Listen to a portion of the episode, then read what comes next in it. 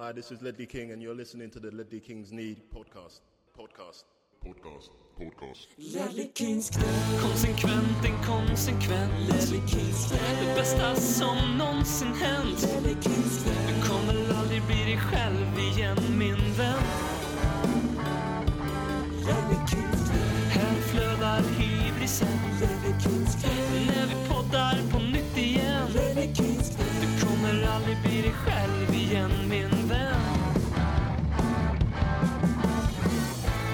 Hej och hjärtligt välkommen till mellandagspodden Ledley Kings kvä... Knä... Nej, jag tar om det där.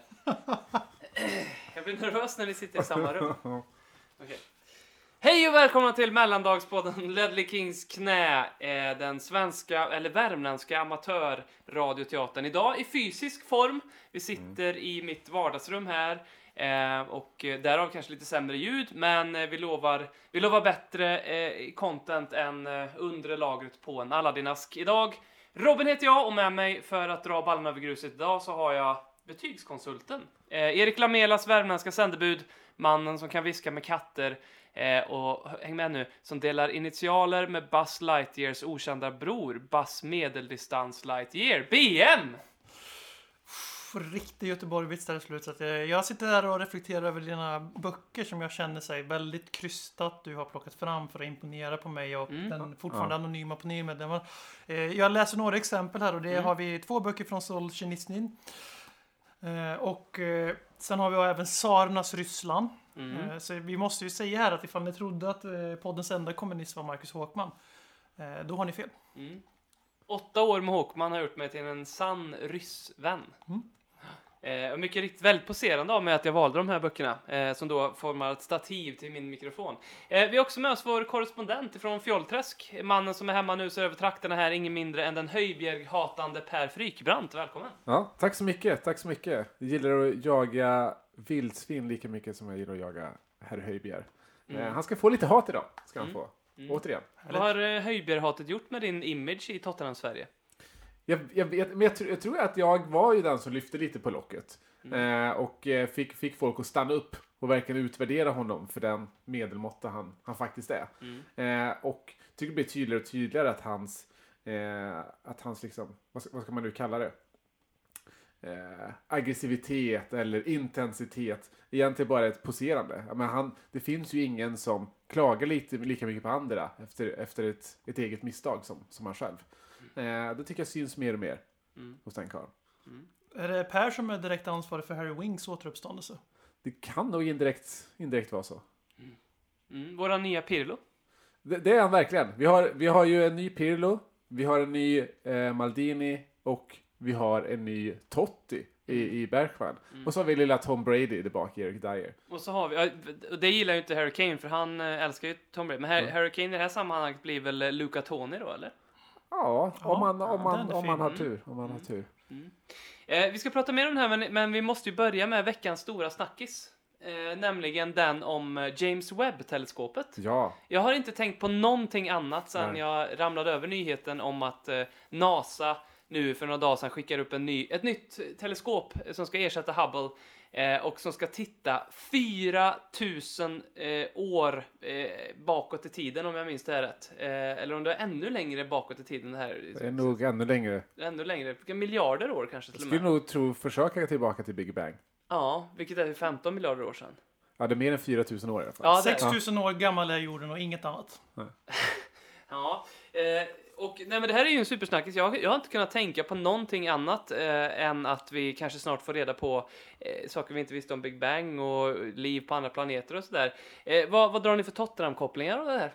Jag tänker bara på den här, vad ska man kalla det, kosmonauten eller den här forskaren på NASA som sitter och hör de här tonerna från våra parallella universums Lelle Kings knäs. Och då tänker jag att eh, även i andra universum och tillbaks i tiden så kommer det att visa sig att det har funnits eh, Ledley Kings knä. För det är så jag ser världen utifrån oss. Bara Mm. oss. Det finns ju ett, parallell, ja, det finns ju ett parallelluniversum där eh, Lelle Kings knä är vändpodd med LFC-podden. det gör det ju. Ja, mycket möjligt. Mycket möjligt. Eh, Och även i de här andra världarna så, så kommer det ju också visa sig att det finns någon form av förening som leds av eh, människor som eh, semestrar på Marbella och eh, tweetar om Harry Kane tills de blir 75 år gamla. Mm.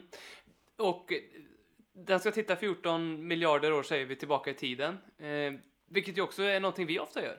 För, att, titta på, för att hitta våran senaste titel. Det är väl den Spurs-kopplingen jag har gjort. Ja, man kan väl också se att den här eh, liksom ska ju se, sån, se längre bort än vad, vad, vad vi någonsin har kunnat göra, eller kunnat gjort tidigare. Eh, kunnat upptäcka saker vi inte trodde var möjligt. Och jag tycker att sådär, snarare så att den kanske representerar Antonio Contes Tottenham. Att nu, nu, nu bryter vi ny mark. Nu går vi dit vi aldrig gått förut.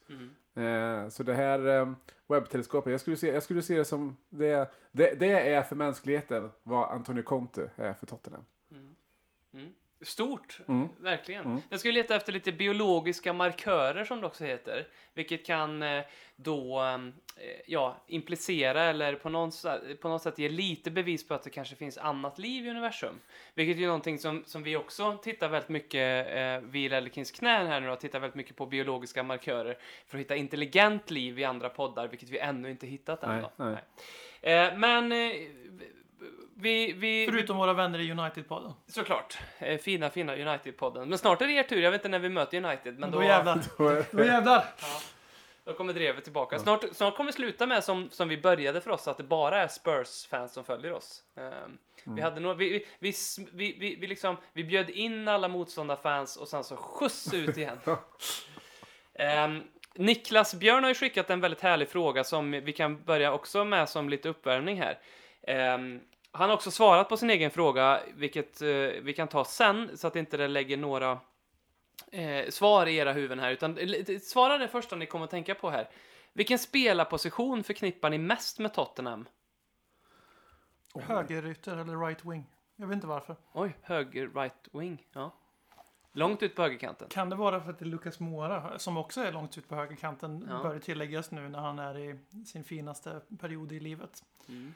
Nej men det, är väl inte, det är bara kantspelare. Det, det är Tottenham för mig. Kantfart på kanterna. Jag växte ju upp med Aaron Lennon, Philip Hill, Gareth Bale. Man borde kunna säga fler än tre stycken när man pratar om Phil i Phil. Hur, hur, bra var aldrig Gareth Bale Phil. på högerkanten? Nej men eh, han var kantspelare. Men eh, jag tänker på Philip Hill väldigt ofta. Jag vet inte varför han, han fastnade hos mig. Han gjorde debut som Det är så 18-åring. roligt när du säger Philly Phil. Philip Hill ja. Det låter som en eh, så här, kefir, smetana och den andra Ja. Philip Hill. filifil. Eller typ som man säger, pratar med barn att de borde ta på sig underkläderna. Ta på dig Philly Phillerna. Ja men, det, det är precis så jag ser på Philip Hill. Ja. ja. Eh, Jag skulle väl ta eh, det ganska tråkiga svaret. Jag, jag håller med om högerytter, men annars är det ju anfallare. Alltså i min bild så Tottenham ska ju vara en klubb som har fem, sex anfallare. Ja. För, och ska försöka få in dem på två positioner. Och lyckas inte göra det och köra ändå en 4-2-4 eller eh, 4-1-5. Eh, men den där självbilden har ju raserats lite de senaste åren. Harry Kane har dödat den. Ja, han har verkligen gjort det. Han har Ännu, verkligen gjort det. ännu ett sätt han har dödat Tottenham på. Precis. Eh, nej men så, eh, det, det är väl en självbild som är lite, ja, ja, vad ska man säga, utmanad just nu. Men, men i min, eh, när jag tittar tillbakåt, som webbteleskopet, då är det den positionen jag förknippar med Tottenham. Kan man säga att Harry Kane dödade det offensiva Tottenham så som han försökte döda Robertson? Ja, faktiskt. Ja. Faktiskt. För, för sen, det, Harry ja, hans genombrottssäsonger när vi hade Adebayor och vi hade Soldado, vi hade ett gäng till, men sen dess har vi liksom inte riktigt... Sen Kan det- man verkligen räkna Soldato som en offensiv spelare i Tottenham? Han var ju liksom en anfallare som spelade, spelade som en defensiv mittfältare framför mål. Ja. Ungefär som Lamela spelade offensiv högerytter, men snarare var en defensiv mittfältare högre upp i plan bara. Hade Kane lirat i AVBs Spurs? Men om man hade... Alltså, Så- jag, jag menar, hade, han, hade det passat det där systemet liksom? Gick det lite för sakta för en Kane kanske? Det var ju mycket... Men han måste ha gjort några matcher under AVB, för han slår igenom med... Sherwood släpper ju fram honom ordentligt efter AVB får sparken, det stämmer ju, men han gjorde ju sin debut för Harry Redknapp och Mm. jag har svårt att se att han inte spelar några matcher för AVB i Europa då främst, för Mm. AVBs anfallare var ju ja, Gareth Bale, om man ska Mm. vara ärlig, men han spelade väl teoretiskt i alla fall med anfallare på planen, men jag kan inte komma på någon som gjorde mål för hans lag förutom Gareth Bale. Jo, Defoe gjorde några ibland, Ja, det, ibland. ja. det, det var ju lite som att eh, AVB också så här, inte ville spela Defoe för att han så här, inte Inte var han- intellektuellt var, den typen av spelare. Men så gjorde han alltid mål så han sa fan måste jag spela Defoe ändå? Exakt så. Ja, men Defoe, Exakt Defoe, så. Defoe var ju då vad Lucas Moura är idag. i att säga han är ju intellektuellt kanske inte en Conte-spelare. Nej. Han, han, han, han, han gör ju fortfarande de tabbarna som man inte riktigt får göra i ett Conte-system. Att Han, han kan ju inte spela bollen bakåt när han egentligen borde den. Men så gör han de här liksom må- målet som, som förlöser matchen, eh, assisterna, precis, precis som Defoe gjorde. Men nu när någon tänker åt Lucas Mora, då är han plötsligt en väldigt bra fotbollsspelare eftersom att han har alla fysiska egenskaper och en bra bollbehandling, bra bolltouch. Mm. För att vara en väldigt bra fotbollsspelare. Eh, och det, han har ju alltid varit den perfekta squad-subben på det. Och nu eftersom Conte som vi vet och är väldigt tydligt och väldigt det är försökt upplåst då för att bygga hans eh, liksom bilden av Conte. Men han står ju verkligen på sidlinjen och berättar för spelarna hela tiden vad de ska göra. Eh, och eh, nu när Lucas Mora har någon som står och tänker åt honom på sidlinjen så är han ju fan med i världsklass de senaste veckorna. Ungefär som Tottenham och Ledley Kings Club. Eh, Niklas har ju färgat mig för att jag har ju läst hans fråga och han svarar på den själv med att det är högerback. Ehm, vilket jag tycker stämmer i modern tid. Men jag gillar ditt svar annars, eh, B, med det är ju en ytterspelare som om man tittar i, i det i ett stö- större perspektiv. Um, så vi- förvisso Steve Perryman som är väl kanske, han har ju spelat mest matcher i Spurs någonsin, men han var väl både högerback och ytter och allt sånt där så. Eh, men så tycker jag gillar, eh, om, om man får koka ner Tottenham Hotspur till en spelarposition så gillar jag tanken om att det är en ytter. Ja, absolut. Och, men var inte Philly Phil lite högerback också? Fili Fil. Philly Phil var högerback, ja det, är därför, Ja, det var ja. ju Philly Phil och Lennon på högerkanten. Ja. Som säkert aldrig hände eftersom Philly Phil bara spelade typ tre matcher för Tottenham. Philly Phil. så roligt namn. Jag, säger, alltså jag tänker ju framför mig att det är Philly Phil, alltså så, som någon form av rapnamn. Ja, ja, Philly Phil. ja. Ja, det var ett enkelt eh, avsnittsnamn den här veckan i alla fall. ja.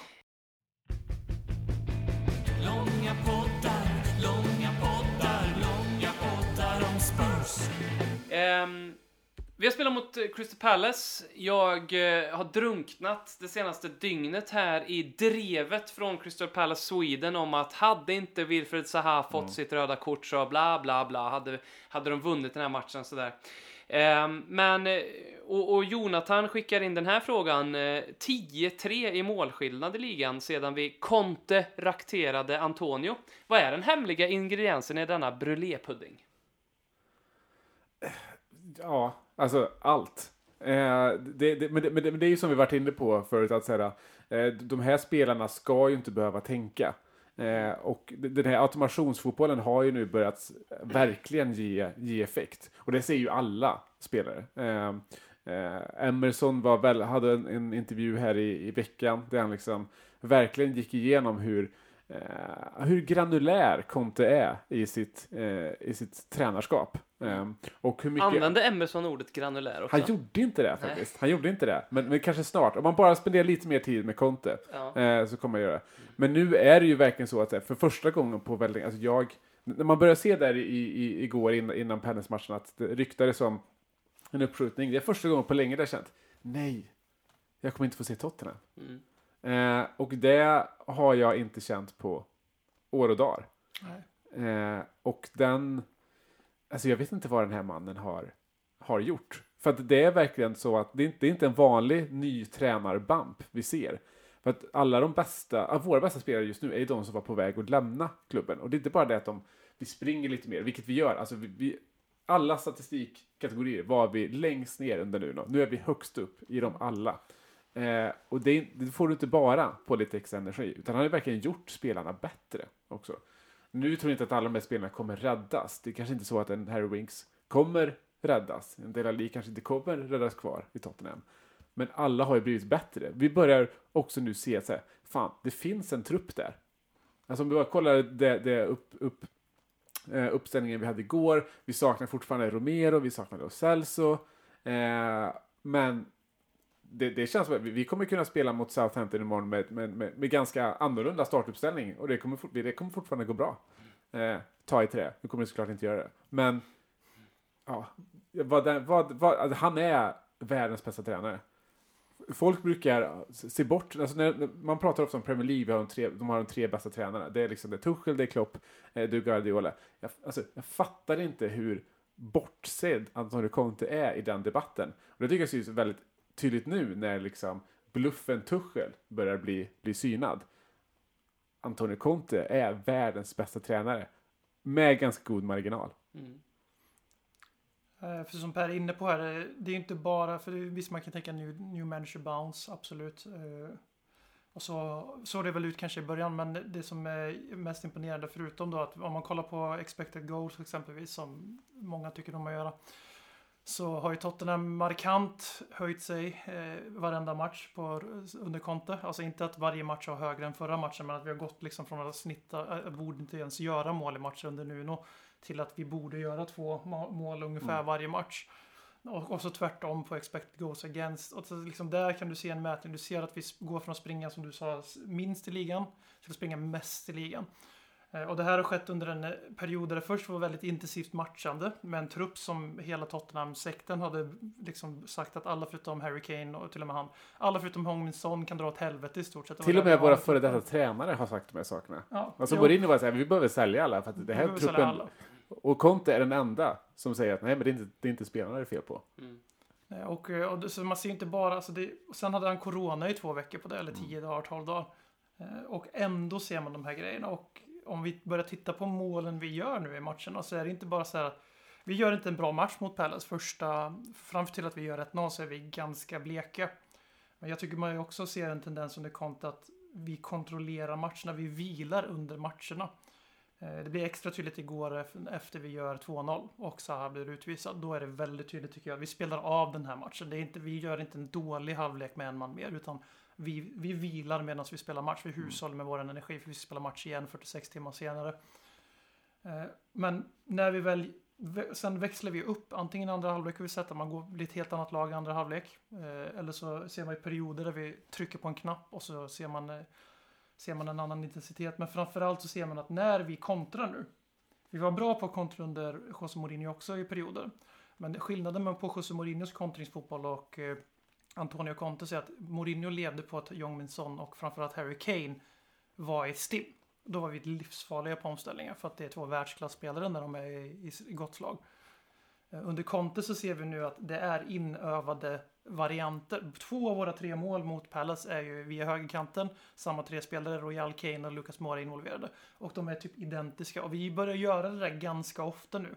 Att vi kontrar på ett visst sätt. Vi ser två situationer i andra halvlek igår där Reguilon blir rånad på drömlägen för att Lucas Moura is feeling it och försöker göra två konstmål när vi leder med 3-0. Som Defoe. Som det får lite grann. Eh, Så att Antonio Contes effekt på det här laget är ju... Alltså jag har fått en väldigt nyttig på, påminnelse om att tränare är jävligt viktiga för sportslig framgång. Ja. Och att det är inte så jävla enkelt så som vi, när vi har gjort narr av Liverpool några år. För vi, någonting måste man skjuta mot när toppen eftersom de har varit världens bästa lag förmodligen i tre år. Eh, Så då skjuter man ju emot, ja men de köpte Alisson, och de köpte van Dijk och de köpte Salah och de köpte Firmino. Men eh, let's face it, det var ju bara van Dijk och Alisson som var dunderdyra värvningar. Eh, så- Och eh, då börjar man undra, hur mycket är det Klopp? Det är nog ganska mycket Klopp. Manchester City, ja de har ett låtsaslag och de har ju liksom tre A-lag. Men det kanske är ganska mycket Guardiola. För som, som Per var inne på, för att knyta upp säcken när du sa kalla för Tuchel för en bluff. Jämför Tuchels Chelsea när de börjar tappa lite, när, det räckte med att de tappade sin uppspelspunkt, alltså nia. Så har de gått ner sig ganska ordentligt även om de lyckades vinna igår tack vare att Lukaku var tillbaka. Och att de fick två straffar som vanligt. Men City har ju spelat utan anfallare hela säsongen och har gjort flest mål i Premier League. Så tränarens effekt är stor och det är helt sjukt vad det gör med en som supporter där man har för första gången sedan Pochettino fortfarande trodde på Tottenham och sin framtid där. Så har man en tränare som faktiskt gör Tottenham bättre än sina delar. Kolla på... Tusch- Tuchel-Conte-diskussionen måste vi ju döda på en gång. Det, det- finns ingen nej. diskussion. Det, alltså, det, alltså, kolla vad Conte har gjort med Tottenham och den truppen som det är och vad, vad, vad fick Tuchel att jobba med? Ja, men ganska mycket pengar och en supertrupp liksom. Eh, Däremot gör ju han det bättre än Lampard för det stärker Ja. ju ändå poängen att tränarens effekt. För Lampard är ju en låtsastränare. Mm. Och Tuchel är bättre än honom och då jävlar dundrade Chelsea in en titel. Mm. Men nu när eh, han är, har hela säsongen och möter världsklasstränare och världsklasstrupper i Premier League. De kommer inte vinna Premier League. Inte en chans. Nej, men det är så roligt att säga. Man har följt fotboll hela sitt liv. Tottenham hela sitt liv. Och, och det, det har hela tiden konsekvent underskattat vad det kan innebära att ha en världsklasstränare. Alltså verkligen konstant. Och det är först nu jag inser, nej men att ha en världsklasstränare, du får världsklassresultat. Aldrig tänkt så tidigare. det är helt Det är sjukt. faktiskt sant. Det är såhär, precis som du är inne på, att, eh, alltså, att världens bästa lag är världens bästa lag har att göra med att de har världens bästa tränare. Mm. Det är ganska så enkelt. Det är få har lag som drag- har sjungit väldigt högt och gått väldigt bra. Där man såhär, ja de hade en jävligt dålig tränare, så undrar hur det gått ifall de hade Är det närmaste vi kommer Harry Redknapps Tottenham? Är det liksom brytpunkten där när Alltså- han var en okej tränare, man hade tre världsklasspelare samtidigt i Tottenham, vilket Ja. vi förmodligen aldrig kommer Och, och se. så kan det ju vara. Jag menar, att, alltså, Barca är väl liksom undantaget som bekräftar regeln. De är alltid pisstränare, men de har alltid haft Messi. Och nu när de inte har Messi, ja men då blir de liksom exponerade. Eh, och är det sjukt? Alltså, jag har levt på den här jorden ändå ett tag och inser det här först nu. När, när James Webb-teleskopet blickar ut i universum 14 miljarder år bakåt i tiden kommer det titta så här eh, på en stor bild av Antonio Conte eh, och som viskar världsklasstränare. eh, man, Poletten trillade ner i fillefillerna. Det gjorde, det gjorde den. Ja. Det gjorde den. Men eh, vi... Eh, jag tar med mig lite bajs till det här kalaset då. Eh, jag plockar upp tråden som eh, ni var inne på här med att, som ju alla ser också som följer Tottenham nu, att Antonio Conte står eh, nere på sidlinjen med sina yviga gester, eh, som, som jag och BM tyckte förra veckan, eh, lite likt Hitler. Eh, Ja. Samma kroppsspråk som Hitler. Eh, men det, den, den tråden ska vi inte plocka upp. Men eh, han står där med sina yviga gester. Lite Arteta gör ju samma sak, pekar exakt vart spelarna ska vara. Särskilt vid inkast har jag tänkt på. Så- Och då tänker jag, när jag ser det där så tänker jag ibland så här. Så jävla dumma i huvudet är väl inte fotbollsspelarna så att de liksom inte, så att de behöver någon som säger nej, två, två centimeter till höger, två, två. Motargument, Lucas Mora. Ja, förutom Lucas Moura då, så han är irrar någonstans liksom om inte någon. Men, eh, och då jag, det jag tar med här nu då, det är hur länge kan vi leva på kan Conte vara en sån spelare som, vad ska man säga, ömsar skinn och förnyar sig själv lite grann? Lite som Sir Alex kanske gjorde, som han tog ju liksom kliv bakåt hela tiden på ett sätt och satte en struktur. Medan det känns, hur länge kan Conte stå och skrika vid ett inkast att flytta dig 10 cm till höger eh, på samma sätt som hans den här automatiserade fotbollen som han har byggt upp så, som ju är lätt att titta man på som till och med vi kan göra amatör liksom uträkningar av. Hur, hur länge kan en sån fotboll vara framgångsrik då? Alltså, alltså det, hela Contes karriär talar ju för att han inte kommer ändra sig. För allting har varit exakt likadant hela tiden. Han spelar ju, hans spel nu är exakt likadant det vi såg i, i, i Chelsea, i Inter, i Juve. Eh, men om det är någonting jag eh, tar med mig från de här eh, exceptionella intervjuerna mellan Tom Holland och Jong Min Song eh, som eh, ändå har eh, gett en del. Och det är att Son är inne på just det spåret, just det här liksom intensiteten vid, vid linjen. Att det var ju precis det som vi har saknat ganska mycket. Och som spelare känner du då att så här, man, man, man, de hör mer än vad man tror att de hör. Eh, och du får den där extra lilla procenten eh, utav en tränare som är helt bananas vid sidlinjen.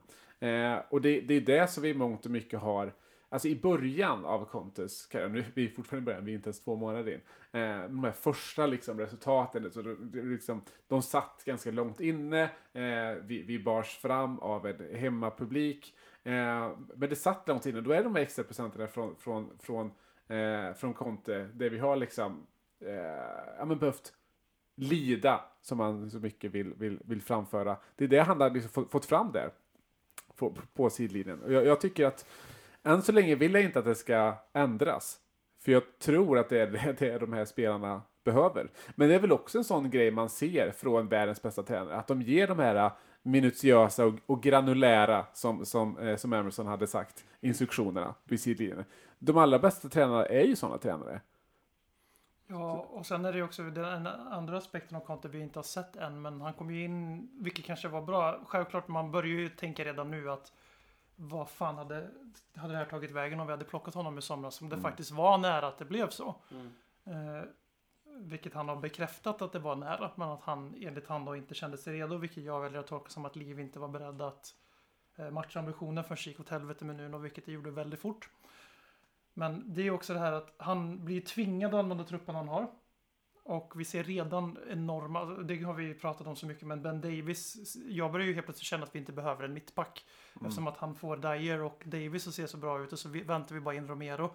Så, kan han, så har vi det som Sanchez under en till spelare som inte ska tänka så jävla mycket, vilket vi vet att han är en bra mittback när någon annan tänker åt honom. För det var ju då han, det var så han var så fruktansvärt fin med Toby och Janne.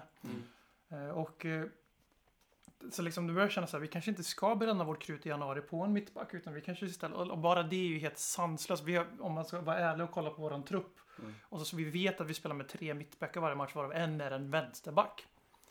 Eh, och ändå börjar man känna lite så. Men, och det, han har ju liksom redan fått fram, Erik Dyer har en höjd på en helt annan nivå, det var han bra även under Nuno. Eh, han har Lucas Mora igen. Han ser, alltså han ser på riktigt ut som, alltså det här han har ju varit en meme, precis som Lamela var en meme på ett visst sätt. Och, men nu är han ju bra på riktigt. Eh, vi ser eh, Harry Winks göra sina bästa matcher i Tottenham på väldigt länge. Vi ser Delali göra sin bästa match i Tottenham sen före, alltså långt före Pochettino fick sparken. Eh, Och det som man däremot också ser är att spelare som inte rättar in sig i ledet eller som han på något sätt inte riktigt tycker är där. Han börjar ju med att ta ner Tanguyen Dombele rätt långt ner på jorden som alla tränare tyvärr har gjort. Men liksom att nej, nej, nej, han behöver lite mer tid än alla andra. För att för han får spela. Han verkar ju gå bakom Winks och Dele i hierarkin. Vi har inte sett så mycket av Lo Celso för att han lyckas med att vara skadad hela tiden, men han snackar Conte upp. Så att vi kommer komma in i januari nu där han har varit tvungen att kliva och känna och vrida på spelarna som han kanske hade skeppat iväg utan anledning i januari. Höjt marknadsvärdet på de här spelarna om vi säljer dem. Mm. Fått dem att påminna dem själva och påminna fotbollsvärlden om att det finns stabila fotbollsspelare i Tottenham. Tottenham har inte Premier Leagues sämsta trupp så som Mourinho och andra ville få det till. Eh, Och samtidigt veta att han är inte här utan löften om någonting. Så att jag, kanske inte i januari, för det är svårt i januari, som Steve Hitchen hade sagt. Men eh, vi har ju fortfarande den uppväxlingen kvar här. Vi kommer få se, förmodligen, första gången någonsin i Tottenhams moderna historia där vi var vi behöver det här och det här och vi ska ha den och den. Vi ska ha Dusan Vlahovic och vi ska ha eh, eh, Frank Kessie. De ska in, punkt. 80 miljoner senare, vi båda två är klara för sommaren. Nu säger jag inte att det blir just de spelarna. Men det är det vi också får med Antonio Conte. Så vi har ju en jävligt, väldigt eh, intensivt spännande framtid framför oss också. Så att, eh, just nu känns det som att eh, det är för positivt. Så vi väntar Ja. på nästa motgång här nu. Ja, men det, finns, det finns ju nästan bara positivt eh, att, att prata om nu. Men han känns ju också, Conte, som den mest rättvisa tränaren. Alltså han ger alla en Exakt, chans. exakt. Alla kan, vara, alla kan räkna med att man får en chans under Conte. Sen är det självklart så att Conte också har en frysbox. Och, och pissar bort en chans så kommer du hamna i den. Men ta en sån som Brian Schill till exempel. Som det, det, det tog ett tag. Han fick också inte ta ner honom på jorden men behövde liksom eh, gå tillbaka till, till grunderna med honom. När han kom in mot, mot Palace tycker jag så extremt lovande ut. Eh, och det, det tror jag alla spelare känner också. Att så här, det är, eh, du kommer få din chans och han är extremt ärlig i vad han kräver av dig. Både, både mot, gentemot media, det har varit väldigt tydlig. Alltså Emerson som gör en jättebra match mot Palace. Eh, Conte går ut direkt och säger att så här, men det här, det är inte tillräckligt, alltså det är inte tillräckligt bra. Nej. Det, han, ska, han ska kunna bättre. Eh, och eh, det, det tror jag alla spelare känner. Men han är också ganska bra på att ge den här positiva feedbacken också. Eh, som till exempel gentemot, gentemot Dyer. Som, och Dyer, alltså han kommer ju, han måste ju vara en startspelare i VM så som han Det fortsätter. är, det är ju parodi om inte han är med i Englands landslag efter det. Alltså Det parodi, är det. han är bättre än Harry det- Maguire. ja, ja. Ja, alltså om, om Harry Maguire startar, nu, om, om det ser ut så här ett år till och, och det inte är, det, det- och det är Maguire före för Dyer, den startelvan. Ja, jag, jag vet inte vad Gareth Southgate tänker mig i så fall. Ehm, men det är ju en intressant om vi bli, vänder blickarna mot januari och därmed då januari transferfönstret så kommer jag i, om jag jämför mina egna tankar som eh, jag så lätt kan göra eftersom att de har varit i mitt medvetande väldigt nyligen när vi hade Nuno vid rodret och eh, vi hade det här sommartransferfönstret inte minst. Och jag tyckte att som du var inne på förut Per, vi behöver sälja varenda jävel och förstärka mer eller mindre varenda position. Det var, det var om, jag, om någon skulle säga så här, ehm, du, får, du får önska nya spelare på tre positioner, vilka skulle du ta? Jag skulle, ha, jag skulle lika gärna kunna sagt högerback som mittback som innermitt som, som anfallare. Det var, det var svårt. Nu är det svårt åt ett annat håll. För att jag typ tycker så här, ja vad behöver vi egentligen? Jag ställer frågan på ett annat sätt. Jag är lite så här, ja det är klart att vi skulle må väldigt bra av en kreativ innermitt och kanske någon som kan utmana Harry Kane. Sen är jag ganska nöjd. Ja. Eller vad känner ni? Nej men eh, exakt så, exakt så. Eh, och eh, det, det är så extremt bra att vi vet att det kommer finnas möjligheter i januari. Det kommer framförallt finnas möjligheter i, i, i sommar. Men vi har inte den där pressen på oss att behöva förstärka direkt i januari med eh, spelare som kanske inte har en 100% i framtid i Tottenham, att man chansar lite. Vi behöver inte chansa i januari. Vi vet vilka vi behöver ha in. Eh, får, får vi inte in Vlahovic, ja, men då kanske vi inte ska ta någon i januari. Får vi inte in en Kessie till exempel, ja, men då kanske vi inte ska ta in någon där. Vi behöver inte chansa i januari. Och det är ju en, en jäkla skön känsla att gå in med där. Eh, sen är det fortfarande så att så här, de här eh, de framstegen vi har sett i truppen, det räcker ju inte långsiktigt. Vi måste fortfarande förstärka, vi måste fortfarande bygga om. Det är en, eh, det är en lite ålderstigen trupp på vissa områden, inte tillräckligt bra trupp eh, på några fler områden. Eh, men, men de positionerna som du säger, jag tycker väl att, eh, precis som BM var inne på också, att säga, backlinjen, jag ser inget behov av att förstärka den i januari. Eh, utan det är en, det är en innermittfältare och det är en till anfallare som kanske krävs för att vi ska eh, kunna ta den där topp 4-platsen. Eh, och eh, Livy är ju en sån som pungar upp när han tror att det kommer ge resultat snabbt, när, när han målas in i ett hörn. Och det, eh, det ser vi nu att det kommer vara ett liksom, ett three horse race om fjärdeplatsen där vi just nu är längst fram och det kommer eh, att stimulera livet mer till att punga upp i januari. Så det tror jag sånt som Vlahovic till exempel. Eh, massa tyder på att det är att vi, vi, vi leder även det racet. Men ta i sommar, när det, kommer bli en jäkla anfallarkarusell på, transfer, på transfermarknaden i sommar. När Mbappé går, Haaland kommer gå. Alltså det kommer, det kommer bli eh, en sån jävla cirkus att, att den som inte får Mbappé eller Haaland, den kommer vilja ha Vlahovic. Och då, då är inte vi längst fram längre. Så det, det, det tror jag är en sån som vi behöver vara lite snabba på i januari för att ens få honom. Eh, men i övrigt så har vi ju ingen Alltså sett ur vår trupp har vi, det är, det är ingen jättestress. Även om vi såklart behöver förstärka. Mm. Du nämner ord som eh, stimulera, punga upp, då blir jag varm i eh, mina fillefiller. Ja. Och då tänker jag på penetrera. Och då Ja. tänker jag ben på att vi har penetrerat oss hela vägen fram till semifinal i ligacupen. Vi ska möta Chelsea eh, i två matcher, eh, vilket ju är hål i huvudet i sig. Och i den andra semifinalen så ställs Liverpool mot Arsenal. Vad tänker du om att vi är i semifinal i ligacupen? Är vi inte alltid i semifinal och ligacupen? Känns det som. Eh, Möter vi inte alltid Chelsea i ligacupen? Jo, det gör vi också. Ja. Eh, vi, vi, alltså nu har vi, sen Pochettino i alla fall så är det inte många säsonger vi inte har gått till semifinal minst i någon cup. Eh, och... Eh, Lägg det- dig i troféskåpet av BM. Precis. Precis som jag lägger i troféskåpet att vi har positiv målskillnad i Premier League nu. Eh, men, eh, nej, men alltså det, är ju, det är klart att det är kul att vara i en semifinal. Men det är lite det här man är inne på när man snackar om, när man, som vi alltid gör i början av säsonger. Eh, som att det hör till. Det är ett litet kretslopp där man tar upp vissa saker varje gång. Och det är, man lägger ligacupen långt ner. Jag brukar till och med lägga den under Europacuperna. Eller jag alltid, definitivt under Europacuperna när det inte är Conference League. Men för det är, ju det, här, det är det här som är verkligheten. När man väl kommer fram till semifinal då är det Big Six bara. Det var nära att det inte blev så den här säsongen. Eh, Manchester City har haft några år där de har lyckats gå hela vägen till final och vinna då, mot eh, vilka de nu får möta för de har inte mött något Big Six-lag förrän i finalen och sådär. Men eh, det är Chelsea. Det gör att det blir kul. Det blir Arsenal eller Liverpool i final. Det gör att det blir också roligt. Och det är klart att vi ska försöka vinna den här turneringen. Vi har ändå gått så här långt. Eh, jag hoppas fortfarande att EFL tar sitt eh, förnuft till fånga och ställer in eh, en av matcherna och gör om det att man spelar på Wembley semifinalen istället. Tar bort en match från schemat eftersom alla lag i hela EFL plus Premier League i stort sett behöver spela i matcher. Tryck inte in fler pajmatcher. Men jag säger så här, hade vi haft Nuno som tränare, då hade jag bara okej kul, vi kommer förlora med 7-0 över två möten mot Chelsea, fan vad roligt. Nu har vi Conte, Eh, Chelsea som jag förstår det kommer att tappa några killar till eh, Afrikanska mästerskapen inför båda semifinalerna. De hinner spela mot Liverpool och sen måste de åka 3 januari. Premier League har fått uppskov och skickar dem en vecka senare. Eller läs Liverpool har fått uppskov. Men eh, det känns ju faktiskt som att vi kan gå till final. Trots att vi möter Chelsea. Just för att vi har en världsklasstränare. Och de har eh, förmodligen lägre prio på cupen än vad vi har. Eh, Och jag har en, har en magkänsla som säger att Arsenal kommer att städa av Liverpool. För Liverpool försöker, till Jörgen Klopps heder, de försöker verkligen vaska den här jävla ligacupen. De la sig, låg Ja, till de, med... de har verkligen gjort sitt bästa. Ja, de låg ju för fan under med 3-0 mot Leicester, eller, Ja. eller 3-1 var det, och så lyckas ändå vinna och gå vidare till deras stora vrede. Eh, Så det kommer bli Arsenal-Tottenham i final då i sådana fall.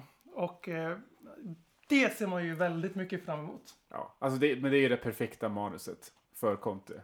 Han, han kommer in, tar en titel mot Arsenal i finalen. Alltså det är det perfekta manuset. vi ska komma ihåg att en Piska fjärde Chelsea plats... på vägen. Ja, ska exakt. komma ihåg Piska, att en Tot- fjärde eller piska, plats, piska liksom- West Ham på vägen också. West Ham, Chelsea, Arsenal. Den Ja. vägen mot en titel. Då är plötsligt ligacupen ganska högt håll. Men eh, vi ska komma ihåg att fjärdeplatsen var ju, den var ju stendöd när Conte kom in. Mm. Det var ju liksom, hur fan, tack gud för att vi fick in Conte så vi fortfarande har trovärdighet när vi missar Champions League för tredje gången i rad. Mm. Det kan fortfarande mycket väl bli så att vi missar Champions League. Manchester United har en trupp som ska vinna ligan. Eh, I alla fall om man ser till investering i antal kronor. Eh, Arsenal flyger rätt bra just nu. Mm. Sen är de, eh, bajsar de ju på sig så fort de möter lag på övre halvan. Lite grann som vi också än så länge måste bevisa att det inte stämmer för oss. Liverpool 2-2. Orättvist, borde vunnit 7-1. Men så det känns lite som att skulle vi bli fem eller sexa och sen vinner vi ligacupen efter att ha brottat ner West Ham, Chelsea och Arsenal. Då är det ju inte en Tottenham-supporter i världen som kommer se tillbaka på den här säsongen som någonting annat än halleluja. Eftersom med tanke på att vi får komma ihåg vart vi var någonstans i, mitten av november före Conte kom in. Då satt man inte direkt och tänkte titlar och Europaspel. Men alltså, jag ska bara säga, ligacupen har ju vuxit enormt i mina ögon. Inte för att turneringen på något sätt har ökat. Men till de första tio åren efter vår senaste ligacup-seger. Eh, då vaskade jag också ligacupen ganska mycket. Men nu är jag såhär, ja men den där jäveln måste vi bara vinna. För då var det liksom ja men vi vann ligacupen, nu är nästa serie en FA-cup, kanske liksom en europeisk titel. Nu är det så, nej vi måste gå tillbaka till ba- basic, vi måste, vi måste ta den där jävla cupen. Eh, vi måste in med någonting. Så den, eh, jag håller den väldigt högt det här året. Eh, och eh, ja, alltså som du säger. Tänk, tänk om vi skulle stå här i slutet av säsongen med en ligacuptitel och en, och en fjärde plats. Det är till och med så att det liksom nästan lite lutar åt det redan nu. Mm. Eh, och då ska man också räkna med att vi har sparkat en tränare mitt under säsongen. Så Och att Harry Kane inte började spela fotboll förrän i mitten av säsongen. exakt, exakt. Ja, vi, vi, vi, vi jinxar ju sönder nu. Men låt oss göra det. Det är jul. Det är ju, eh, oavsett så är det ju ett hejdundrande rivalmöte. Om det inte är North London Derby i finalen mot Arsenal så är det ju eh, Swedish eh, Supportership Derby mot eh, Liverpool. Eh, de två sekterna mot varandra där eh, man vill ändå få säga att Tottenham-sekten är nya sekten. Eh, kan vi stå ödmjukt här och, och säga. Precis. Och sen så har vi ett Conte-derby i semin också. Ja, mycket fint. Billigare än knark Roligare än terapi Ledley Kings knä För den du redan är Men också för den du vill bli Vi eh, studsar bryskt vidare till eh, att prata om corona. Eh, detta lilla virus som eh, har, eh, ja, likt Harry Kane i en Liverpool-supporters huvud, snurrat och bott hyresfritt här på planeten jorden Eh, länge och eh, jäckat spelschemat och inte minst Premier League. Eh, Liverpool oerhört missgynnade eftersom att de har skött det här så himla bra och inte fått några fall. Riktigt bra jobbat. Medan så finns det ju andra, eh, bland annat Vira och Manchester United, några till som, som inte klarar av att tvätta händerna och hålla avstånd, hela den där biten, som har fått eh, ett utbrott och haft det nu. Ehm, vi ska prata lite om Premier Leagues riktlinjer kring covid. Vad kan du berätta om det här, BM? Ja, att eh, de till slut insåg då efter man började ställa in matcher på löpande band. Eh, under annan dagen så är det alltså två matcher som spelas i Championship. I, och då är det 24 lag i den serien. Eh, så det är inte bara i Premier League utan och i Premier League så var det väl två matcher annan dag som ställdes in och nu har de redan ställt in eh, Wolves Arsenal här den 28. Och, Det var eh, fyra igår? Eller vad var det? Kanske var fler igår, kan det ha varit. Eh, och eh, United har inte spelat på ett tag. Vi har ju precis börjat spela igen och allt vad det är. Och det som började hända här var ju att matchen ställdes in med väldigt kort varsel. Och att det började ganska snabbt gödas konspirationsteorier om att lag, för lag ansöker ju om att skjuta upp matcherna. Och bara för att ta några axplock här från, från vad som hände då är att vissa supportrar då börjar säga att andra lag använder det här för till sin fördel. Att man har covid i truppen. Det är ingen som säger att man inte har covid, men att man plussar ihop covidfall med lättare skadekänningar och eh, feber och den här pussjukdomen som jag tappar namnet på nu, mono. Eh, Och allt vad det nu är. Och eh, Premier League hjälpte ju till att spä på det. Klamydia. Ja, precis. De hjälpte till att spä på det narrativet. Den känner vi till. Ja, ja. The Clamp, nej, men de, de, har, de hjälpte till att spä, spä på det narrativet när de, när de i sina motiveringar sa bland annat den här matchen ställs in för att Watford har för få spelare på grund av covid. Den här matchen ställs in på grund av att lag X har för få spelare på grund av covid, skador och och så lag 3, de har match som ställts in på grund av covid, skador, eh, klamydia och eh, semester. Eh, vilket då, för att ge Robin Bylund, våran före detta vän, lite upprättelse här, att han var ju ganska tidig på den här bollen att eh, Eh, Premier League behöver ha tydligare riktlinjer eftersom att covid kommer att missbrukas. Nu var inte det han sa, utan han, han eh, bland annat eh, insinuerade ganska kraftigt att lag utnyttjar det här för att få vila. Medan andra lag inte får vila. Men många andra poäng han hade visar sig nu stämma. Till exempel att ställa in en av de här tre matcherna mellan 26 till första.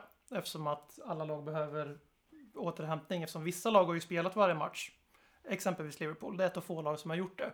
Medan andra lag till exempel då kanske spelar 26, slipper spela 28 och sen får spela första. Det är en ganska stor sportslig fördel att slippa spela tre matcher på fem dagar. Eh, Och nu med matchen mot Crystal Palace i färskt minne så får vi ju lov att säga att nu har vi faktiskt sett ett ganska tydligt exempel på där lag försöker använda några få covid-fall för att skjuta upp en match. För när vi ser Crystal Palace startelva igår då är det inte särskilt mycket som, nu är inte vi världens mest insatta Palace-människor här, så vi, men vi har räknat upp att det är två eller tre spelare från deras ordinarie elva som startas. Alltså, som för oss mot Liverpool, vi hade till och med fyra ordinarie spelare borta från vår startelva. Exakt som de hade, vill jag påpeka igen.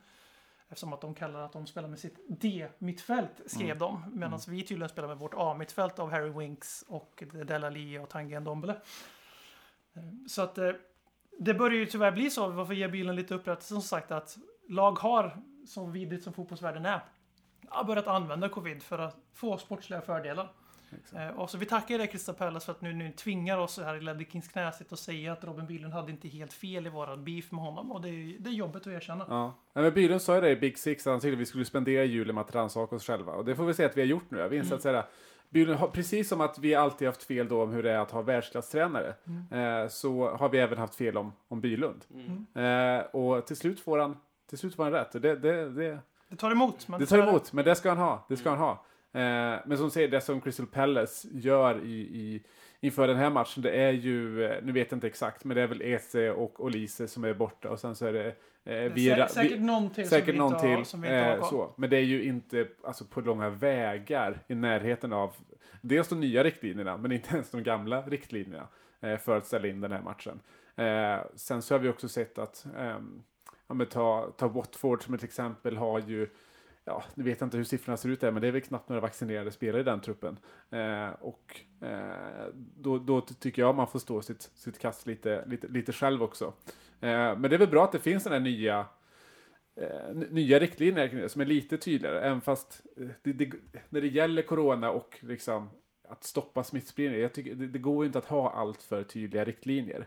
Eh, för det handlar ju inte om ett visst antal, det handlar om liksom hur, hur, hur, hur smittspridningen... Precis. Exakt, är den kontrollerad eller inte?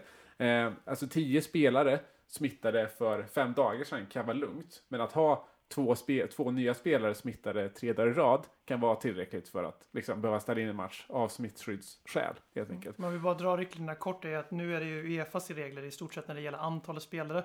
Det är att man har 13 matchföra utespelare från squadlist och ungdomslag. Så det betyder att ingen match ska ställas in i stort sett om man ska vara ärlig.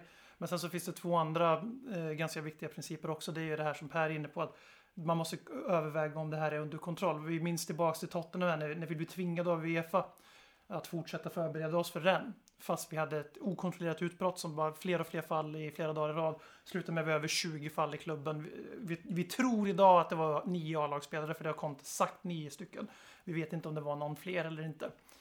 Eh, Men det är ett okontrollerat utbrott Mm. som kan bli, fortsätta bli värre, som kan smitta laget vi möter och så blir det den här onda spiralen. Precis det som förmodligen hände i Premier League. Ja. Eh, Men nu är det 13 spelare inklusive målvakt då. Eh, Och sen, men sen är det det här med att man ska det ska vara under kontroll. Det var väl det Pallas använder de, den, för den går ju att feltolka. Man kan ju tolka den som fan tolkar Bibeln.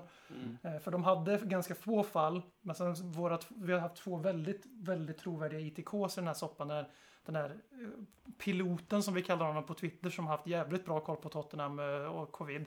Och sen även Paul O'Keefe som ofta har bra koll på såna här grejer.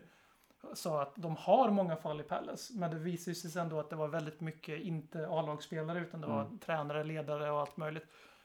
Eh, Men sen är det också den tredje punkten här som är anledningen till att United och Tottenham fick smälla igen sin verksamhet och även Watford då, så jag håller med Per om det här med vaccinationsgrejen. Det, det är ett ganska bra sätt att få alla att vara 100% vaccinerade. Är att säga, visar det sig att era spelare som är smittade är ovaccinerade, då får ni spela ändå. Förutsatt att det är under kontroll. Eh, Eh, men sen är det ju den här då att eh, om lag inte kan förbereda sig, till exempel genom att man måste sitta i isolering hela truppen i tio dagar och man inte får träna så som Tottenham fick, och som då kallades vila ibland. Då får man inte spela för att det är inte rättvist att ett lag som har suttit hemma i sitt rum i tio dagar och sen ska man möta ett lag som har tränat och spelat matcher för det är inte sportslig integritet. Så att eh, Premier League har väl ändå steppat upp lite men eh, det är de nästa steg här nu då för allas bästa det är ju att det får, det får vara slut med det här att ställa in matcher på matchdagen. Utan alltså det, där måste Premier League vara modigare att bestämma som de gjorde med Wolves och Arsenal. att Okej, det ska jävligt mycket till för att det här laget ska vara matchfört på torsdag. Vi får ställa in matchen nu och sen visar det sig kanske att vi hade fel, men då får vi kanske schemalägga den på fredagen istället. Liksom sådana här grejer. För att vi kan inte ha det här som vi ser nu att matcher, vi visste inte att Palace-matchen skulle spelas förrän Palace bekräftade det själva två timmar före avspark. Det, alltså det, så kan det inte vara. Alltså, vi kan inte skicka tusentals fotbollssupportrar överallt i England. Eh, på tåg och bussar och allt vad fan det är. Och sen säga till dem när de är framme i Burnley. Nej, ni ska inte spela match. Utan ni får åka hem nu. eh, Det var ju ett mycket känt fall av den här eh, ameri- två amerikanska supportrarna. Det var säkert fler som reste till och med längre men som inte råkade lägga upp det på social media. Men de här två från Denver tror jag det var som reste över för Burnley-matchen. Eh, och som, eh, ja, Den ställs ju in på grund av snö. Den ställdes in på grund av Ännu mer snö. pinsamt. Vilket är ännu jobbigare, men eh, han hade rest och la upp en tweet innan han ens visste att matchen skulle bli inställd. Att åh, nu har vi inte sovit på 36 timmar och ja, kaffet har hållit mig vid liv, men vi är på gott humör och nu är vi äntligen på tåget mot Burnley och det är det här som är värt och så blir matchen inställd. Eh, För men snö! Sen- 2021 i Premier League. Ja. Sen är det också med den nya riktlinjerna, den har ju liksom kritiserats en hel del för att den missgynnar de lite större lagen. Det krävs ju mindre för då ett, ett Watford att få en match uppskjuten procentuellt sett i spelartruppen än vad det krävs för ett Chelsea till exempel. Man måste ha bredare trupper när man spelar i Europa. Ja, Mm. precis. Eh, och det, eh, jag- och det, det, jag kan ju förstå den absolut, den, den, den missgynnar absolut de större lagen mer. Eh, samtidigt är det ju svårt, att vill man ha tydliga riktlinjer så är det ju, det är, det är svårt att hitta det perfekta. Eh, och är det några man ska missgynna så är det väl faktiskt de lite större lagen. Eh, men jag kan absolut förstå den kritiken, men det, det, är svårt att göra det här perfekt. Jag tycker även så att jag hade inte velat vara i, i i FAs eller Premier Leagues eh, liksom situation här med att behöva stå till svars för att ge tydliga riktlinjer vad gäller liksom själva matcherna. Att som, som i då det här fallet med Crystal Palace, de får massa skit för att säga vart är era besked, vart är era besked? Medan det egentligen är så att säga, jo men matchen är ju sagt att spelas, varför ska de komma med besked om att den fortfarande kommer spelas? Eh, de ska ju ge besked om den inte ska spelas. Så det kan jag tycka att de har gjort allting rätt. Eh, för det kan ju vara så att får Palace tre nya fall på morgonen, ja men då behöver den ställas in då. Och tills de väl har fått det, ja men då gäller fortfarande att matchen ska spelas. Eh, så att jag hade inte velat vara i, i, i, i deras situation, för jag tycker att mycket av det de får kritik för är inte Alltså, sånt man kan göra så mycket åt. Vilket ju gäller liksom hela, hela coronasituationen i stort. Alla regeringar, alla folkhälsomyndigheter har fått eh, sin beskärda del av skitkakan. Ja, och jag kan också tycka, så här, för det en aspekt som lyfts ofta, är ju just den här med fansen som kanske råkar resa och få matchen inställd. Och det är såklart jättetråkigt. Jag, menar, jag skulle tycka att det var pisstråkigt också. Men det finns alltid det där egna valet i att säga, okej, ett, det är en pandemi. Två, det är lite skakigt just nu med matcher. Ska jag resa eller inte? Det kanske är upp till mig att vara beredd på att den här matchen ställs in. För alltså det stora syftets skull, så att säga. Det märkte vi ju på Tottenhams match i år. där Det är alltså 41 000 Ja, plats. ja, Och vi ska ju inte ta liksom nya riktlinjer och nya typer av beslut i det här för att gynna fansen så att de slipper resa. Lägg det på fansen att avgöra. Det finns massa eh, Newcastle-fans som bor i London som kan dyka upp på en match utan problem så. Eh, utan lägg då det ansvaret på de Newcastle-fansen där uppe att själv göra bedömningen. Är jag villig att göra den här långa resan mitt under en pandemi, lägga ut pengar, allt det där mot att matchen kanske blir inställd i sista minuten? Ja, men det, det måste ju en vettig... Alltså, vi kan inte dalta med folk så. Nej, nej. Eh, Så jag tycker, det, jag, jag tycker snarare det är eh, vettigt att man har den flexibiliteten. Att man kan säga ja en match kan faktiskt ställas in rätt tätt in på avspark eftersom att det här är ett virus som inte liksom väntar eller som kan dyka upp när som helst. Mm. Eh, vettigt tycker jag faktiskt. Låt oss skratta åt topp 6. Let's laugh at the top six. They are really shit.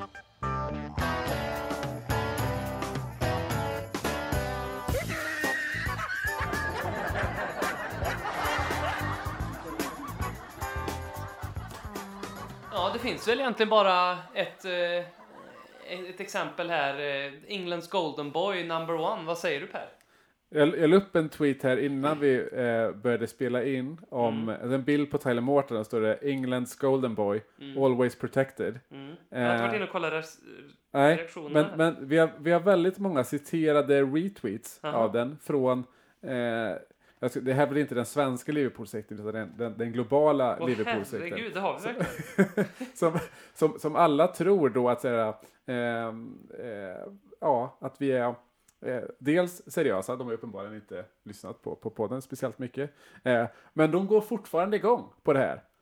De går fortfarande igång på att eh, eh, och, och, och att, vad ska man säga, att Tyler Morton är någon form av hjälte, att Harry Kane är den, den enda antihjälten som finns. Förlåt, jag, jag tappar bort mitt nu för jag Ja. scrollar igenom det här flödet, vilket är Ja. eh, ett fantastiskt flöde Ja, att, nej, att vila, det- vila ögonen på. Tyler Morton som alltså då gjorde en, eh, jag, jag säger det, långt mycket värre tackling på Ricardo Pereira än vad Harry Kane gjorde på Andrew Robertson. Och så tittar jag lite på er. Ja, ja, ja, Ja, ja. absolut, absolut. Ehm, och, Jo, men, jo, men, jo men verkligen. Alltså, ja. det, det, det, det, det är självklart så att Harry Kane ska ha ett rött kort där. Eh, men men, men jag, jag kan tycka att det blir lite töntigt att hålla på att säga ah, om man inte eh, om man inte lyfter foten så, så, så går benet av och sånt där. Eh, när, när den där tacklingen som, som, eh, som Mårten gör, det är ofta, ganska ofta det går käpprätt åt helvete med sådana Det tacklingar. gjorde det också. Och det gjorde det. Eh, och då också så har vi ehm, eh, vi har Klopp och så har vi deras, eh, deras assisterande som heter Pep någonting. Eh, som går ut och kastar skit på domarna, att, att de eh, inte gör tillräckligt för att skydda spelarna. Eh, och att det kunde gått käpprätt åt helvete för Robertson.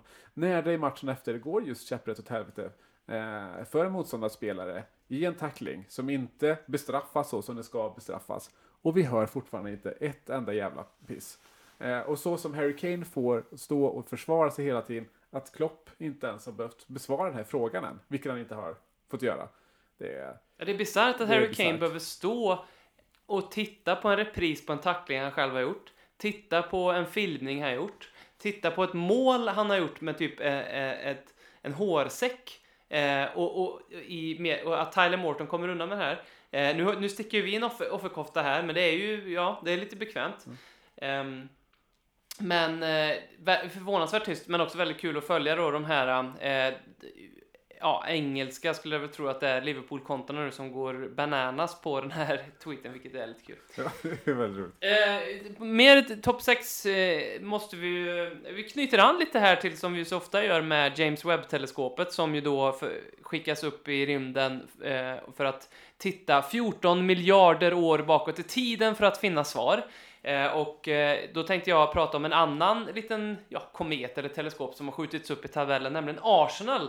Eh, som har skjutit upp och som ju har gjort så på grund av två olika saker. Det ena är att de har haft ett lätt spelschema. Ett oerhört lätt spelschema. De har mött Norwich varenda omgång mer eller mindre. Ja. Norwich Norwich- hemma varenda match. Ja, det, det är mer eller mindre den enda match, matchen de spelar. Men den, den typen av karaktär på matcherna. Den andra är ju att de också har typ fem mer spelade matcher, eh, eller tre då kanske, eller två, än eh, sina direkta kon- konkurrenter om topp top 4-platsen. Det räcker med att vi vinner våra hängmatcher så är vi förbi Arsenal. Med råge. Med råge. Så att eh, om James Webb ska upp och titta 14 miljarder år bakåt i tiden för att finna svar så räcker det med att Arsenal-fansen bara tittar ungefär ett par veckor tillbaka i spelschemat för att se eh, hur kommer det gå för oss nu när Arsenal faktiskt ska ha, eh, möta riktigt motstånd här nu. Deras ja, januari, deras kommande spelschema är jag inte alls avundsjuk på. Eh, och är ganska säker på att precis som det såg ut i början på säsongen när faktiskt Arsenal låg på noll poäng och på sista plats i Premier League eh, efter tre, fyra omgångar eller, vad, eller mer till och med kanske. Eh, så kommer det kanske inte se likadant ut men att de kommer vara nere på en Inter Toto-plats, eh, det är jag väl ganska säker på. Ja, vad har de i januari? Det är City och vi va? Och sen så är det... Ja, och så är det Någon- lite, och så är det dubbla möten mot Liverpool. Ja. I, eh, så att det, det, Exakt. det det ska bli väldigt kul att se hur högt den eh, bajskorven flyter. Ja, men de har ju, det är ju, det är roligt att det har vänt liksom i samband med, med Aubameyang där. De har ju på något sätt in, fått någon form av liksom självinsikt kring vad problemet har varit. Vilket har varit helt sinnessjukt att sitta som supporter, motståndarsupporter eller som, bara som åskådare och följt dem de senaste fyra, fem åren där alla kan se vart problemen finns och de inte adresserat dem själva. Nu har de faktiskt börjat adressera dem själva och det ger resultat. Eh, det är ju, eh, ja, man ska ju inte ge någon form av cred för det eftersom de har insett allt, allt för sent. Eh, men, men, men nu är det på något sätt att så här, nu, lite som Tuchel blev på något sätt offer för sin egen framgång. För att han är ju, eh, även fast liksom, kanske raljerar lite kring att han är en bluff, han är fortfarande en bra tränare som fick, fick, fått väldigt bra eh, resultat. Men för att han gjorde så bra i början så riskerar ju han faktiskt att få, få kicken eh, redan den här säsongen om de fortsätter att falla så som de har gjort nu. Och lite så kan vi se med, med Arteta, att nu har de ju ändå kommit upp på någon form av liksom, respektabel nivå igen. Och när de sen i januari kommer börja falla igen, ja, kommer han kanske bli, kommer det här liksom goda tålamodet de har haft för Arteta att börja tryta då, när de till slut har börjat se lite framgång? Det ska bli intressant att, att se. mm. Jag tänker med Arsenal så tänker jag tillbaks till om att du pratade om det här med att de har till slut identifierat sitt problem. Och det behöver inte nödvändigtvis vara just Aubameyang utan det är ju de här fina desperationsmovesen de gjorde för någon sommar sedan när de gav William ett långt svindyrt kontrakt när han var uppenbarligen slut då. Mer slut än vad man själv trodde kanske. Eh, Mourinho ville ju ha honom till Spurs och tack för att det inte blev så. Åh herregud. Eh, Och sen eh, även de med Aubameyang och nu snackas det om att Lacazette ska få ett långt kontrakt, nytt kontrakt. Han har varit, Okej, jag tar tillbaka allt jag sa. han har varit inte väldigt bra, men-. Men det, jag tänker tillbaka till när Tottenham var i en liknande situation. När vi hade våra unga lovande generation som eh, Sherwood slängde fram mest för att och sen som då Pochettino valde. Han hade ju den här, han gav ju Kabula, Adebayor och kompani. De fick ju chansen i början av hans period och sen så var de helt, helt döda för Pochettino. Och han gav över laget till Mason, Bentaleb och, och Kane och allt vad det var. Eh, Arsenal har ju liksom en ännu mer lovande generation så på fram, alltså även Ja, om de Tierney och. Ödegård är köpta båda två, men så är de fortfarande i den åldern. Samma med Nuno Tavares och allt vad det är, men framförallt eh, Smith Rowe och eh, Saka Mm. är ju egna produkter skitlovande, alltså de har någonting fint på gång, tyvärr. Mm.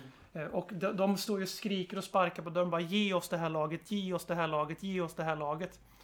Eh, Och eh, det har de ju gjort nu med den här Aubameyang-situationen. Och samtidigt så blir man ju då, här, det hade ju varit lite som att om vi hade valt Adebayor för Harry Kane. Om de hade, och nu, allting kommer att avgöras med vad de gör nu. Är det Vlahovic man försöker plocka in eller ger man Lacazette ett fyraårskontrakt, Lakates-spindeln och 300 000 pund och sen så är det ett halvår så är det han som är den tredje Özil på ett halvår, vem vet? Åh, som man hoppas. Som man hoppas på det. Vi avslutar detta med ett par lyssnarfrågor och påståenden.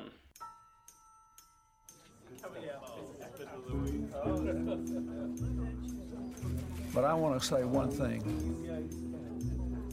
I want you to listen to me. I'm going to say this again. I did not have sexual relations with that woman. Och jag kunde på rak arm konstatera en direkt lögn.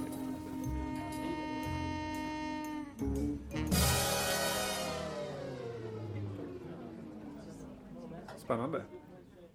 Van Dyer, så heter kontot. Eh, vem hatar man mest? Robertson eller Alonso? Ja, Robertson är nog där nu, tror jag. Alonso, för Alonso är man inte, man är inte rädd för Chelsea längre när man har Conte. Och då är det, då är ju svaret Robertson. Mm. Tänker jag. Det är fortfarande Alonso. Robertson hatar man eh, känslomässigt och Alonso intellektuellt. Ungefär som det är med Chelsea och Arsenal lite grann. Ja, I hate Alonso because I'm a Tottenham player. I hate Robertson because I'm a human being. Exakt så. um, Janebrink undrar vad som mjölkas hårdare, våra skämt om Liverpool-fans eller faktumet att Son träffade Tom Holland en gång? Det här är ju, för jag kan ju säga, jag la ju också upp nu en, för jag kunde inte hålla mig när jag såg globala sekten komma in på Pers tweet där. Eh, och verkligen så här, det här är lite som att slå på en död trumma eller slå på en död häst, jag vet det. Men om det är någonting vi försöker få alltså upplysning om i det här drevet vi har gjort nu mot sekten ett tag. Både ett för att försvara oss själva, för de är rätt duktiga på det också, även om de sen eh, slutar leka när de tycker att det blir jobbigt. Eh, till skillnad från oss, som aldrig slutar att hetsa och trolla. Eh, men det är så här att det tweetet Per lägger och svaren på den, för det är många quote tweets med Golden Boy och vad då Kane, bla bla bla. Alltså det är det som är det jävla beviset, man saknar helt självdistans. Eh, Och det, det man blir så trött på i den hela den här soppan är ju att den här Robertson Kane-grejen är så fruktansvärt lätt att se med objektiva ögon att det blir bara en snackis för att Harry Kane inte är Golden Boy. Och vi sa det i podden, han borde fått rött kort, bla bla bla. Så jag la ju upp en nu där jag la Tanganga-tacklingen och Ja. Robertson-tacklingen sida vid sida. Ja, liksom människor som har, människor som har en hjärna fattar att eh, narrativet mot Kane bevisar att han inte är Golden Boy utan att det är Liverpool som är FAs Golden Boy. Sen så vet jag att det finns en jävla massa historiska bevis på när Liverpool inte har behandlats på det sättet. Men, och det är därför mitt svar på den här frågan är att vi kommer att, vi kommer att vinna kriget mot Spiderman. För vi kommer inte sluta när Spiderman inte är het på biolistan längre. För att det kommer aldrig finnas en anledning att sluta. För att Liverpool, för det- helt ärligt, alltså de behöver någon som reality-checkar dem ibland. För det är inte bra att vara bäst, ha en fin historia, komma från en stad och ha det. För de har väldigt mycket, väldigt mycket fint den här klubben. De behöver någon som ibland pekar, på, alltså pekar lite på dem och pokar dem lite så, så här, Kom ihåg att du är dödlig, kom ihåg att du är dödlig. Nu gör jag en liknelse här till romerska kejsare. Eh, och det här är halvsanningen slash historiska myten om att när man fick sina triumftåg som romersk general eller kejsare, oftast generaler om jag ska vara ärlig, då stod det ju alltså en slav bredvid och viskade till en att kom ihåg att du är dödlig när man red på parad genom Rom och blev hyllad av romerska folket eh, efter man hade besegrat någon fiende någonstans. Och vi är den här tjänaren som står bredvid sekten och viskar i deras öron när allt går så jävla bra för den här klubben. Att kom ihåg att du är dödlig. Det är våran roll i det här. Så vi är fan hjältar är min slutsats. Och därför kommer vi att mjölka det här mycket längre än, vad heter han, Tom Holland. Mm. Har ni sett bilder? Alltså jag vet inte. Jag vet vad Håkman tycker. Eh, och jag själv har ju svårt att smälta. Jag tittade lite bort när eh, vi gör våran Spiderman-målgest här nu senast mot Crystal Palace. Eh, men har ni sett eh, Lucas Moura som är väldigt Lucas Moura på den bilden? Han typ han, har ingen, han är uppenbarligen den enda i hela Tottenham-lägen som har missat att eh, det Hängmensson har träffat Tom Holland. Kanske he, Ja, han har ingen aning. Han har ingen aning. Och han, han står ju som, oj, vi gör någon grej här. Okej, det handlar om att sträcka fram handen på något vis. Ja, jag, jag gör likadant. Eh, det ser lite ut som liksom ett foto på, från en nattklubb eller någonting där någon bara knör sig in och försöker vara med på kortet. Eh, Ja. Jag har för mig att Lucas Moore har gjort något liknande någon gång förut. Eh, som jag, jag famlar här nu, men det finns någon bild i flödet. Ehm, ja, någon vet säkert vad jag... Vad jag, vad Ja, spännande. spännande. Ja, Ja. verkligen. Eh, vi avslutar väl med eh, Antons påstående om att senapssillen är det godaste på hela julbordet. En fin kokt potatis med en bit senapssill ger större lycka och njutning än att se Daddy Davis spela. Den- är, den är ju där uppe och nosar, senapssillen, med, med en potatis. Det måste jag ändå säga. Det, det är min absoluta favorit på alla bord. Eh, så bra, bra spaning. Eh, det, det, det, får, jag ska, jag säga så här, det, det får det att stå i filifillerna, båda två. Ja. Väldigt vackert. Eh, hörni, kul att ni kom hit fysiskt. Eh, Kul att vi fick komma hit fysiskt. vi kan väl säga att vi har ett litet covid-utbrott i podden faktiskt. Ja. Ehm, Och, där, och då, möts, då svarar vi upp på det genom att träffas. Det var fysiskt första första gången vi spelar in fysisk podd på, ja, på, på lång tid. Eh, Jocke och Robert skickar vi varma krya på er hälsningar till. Eh, lite orättvist tycker vi givetvis att vi behöver köra på här nu eh, och podda medan eh, ja, eh, andra poddar eh, får vila upp sig eh, med, medan vi har det här sjukdomsläget. Eller så är det tvärtom att det är lite orättvist att de får vila. Ja. Ja, hur Exakt. Det, det är otydliga riktlinjer från Mm. Guldskölden. Livet är orättvist ibland. Deal with it. Mm, bra. Tack så mycket för att ni har lyssnat på Rally Kings knä. Vi hörs snart igen. Hej! Ciao! Konsekvent, inkonsekvent det bästa som någonsin hänt Du kommer aldrig bli dig själv igen min vän. Här flödar hybrisen När vi poddar på nytt igen Du kommer aldrig bli dig själv igen.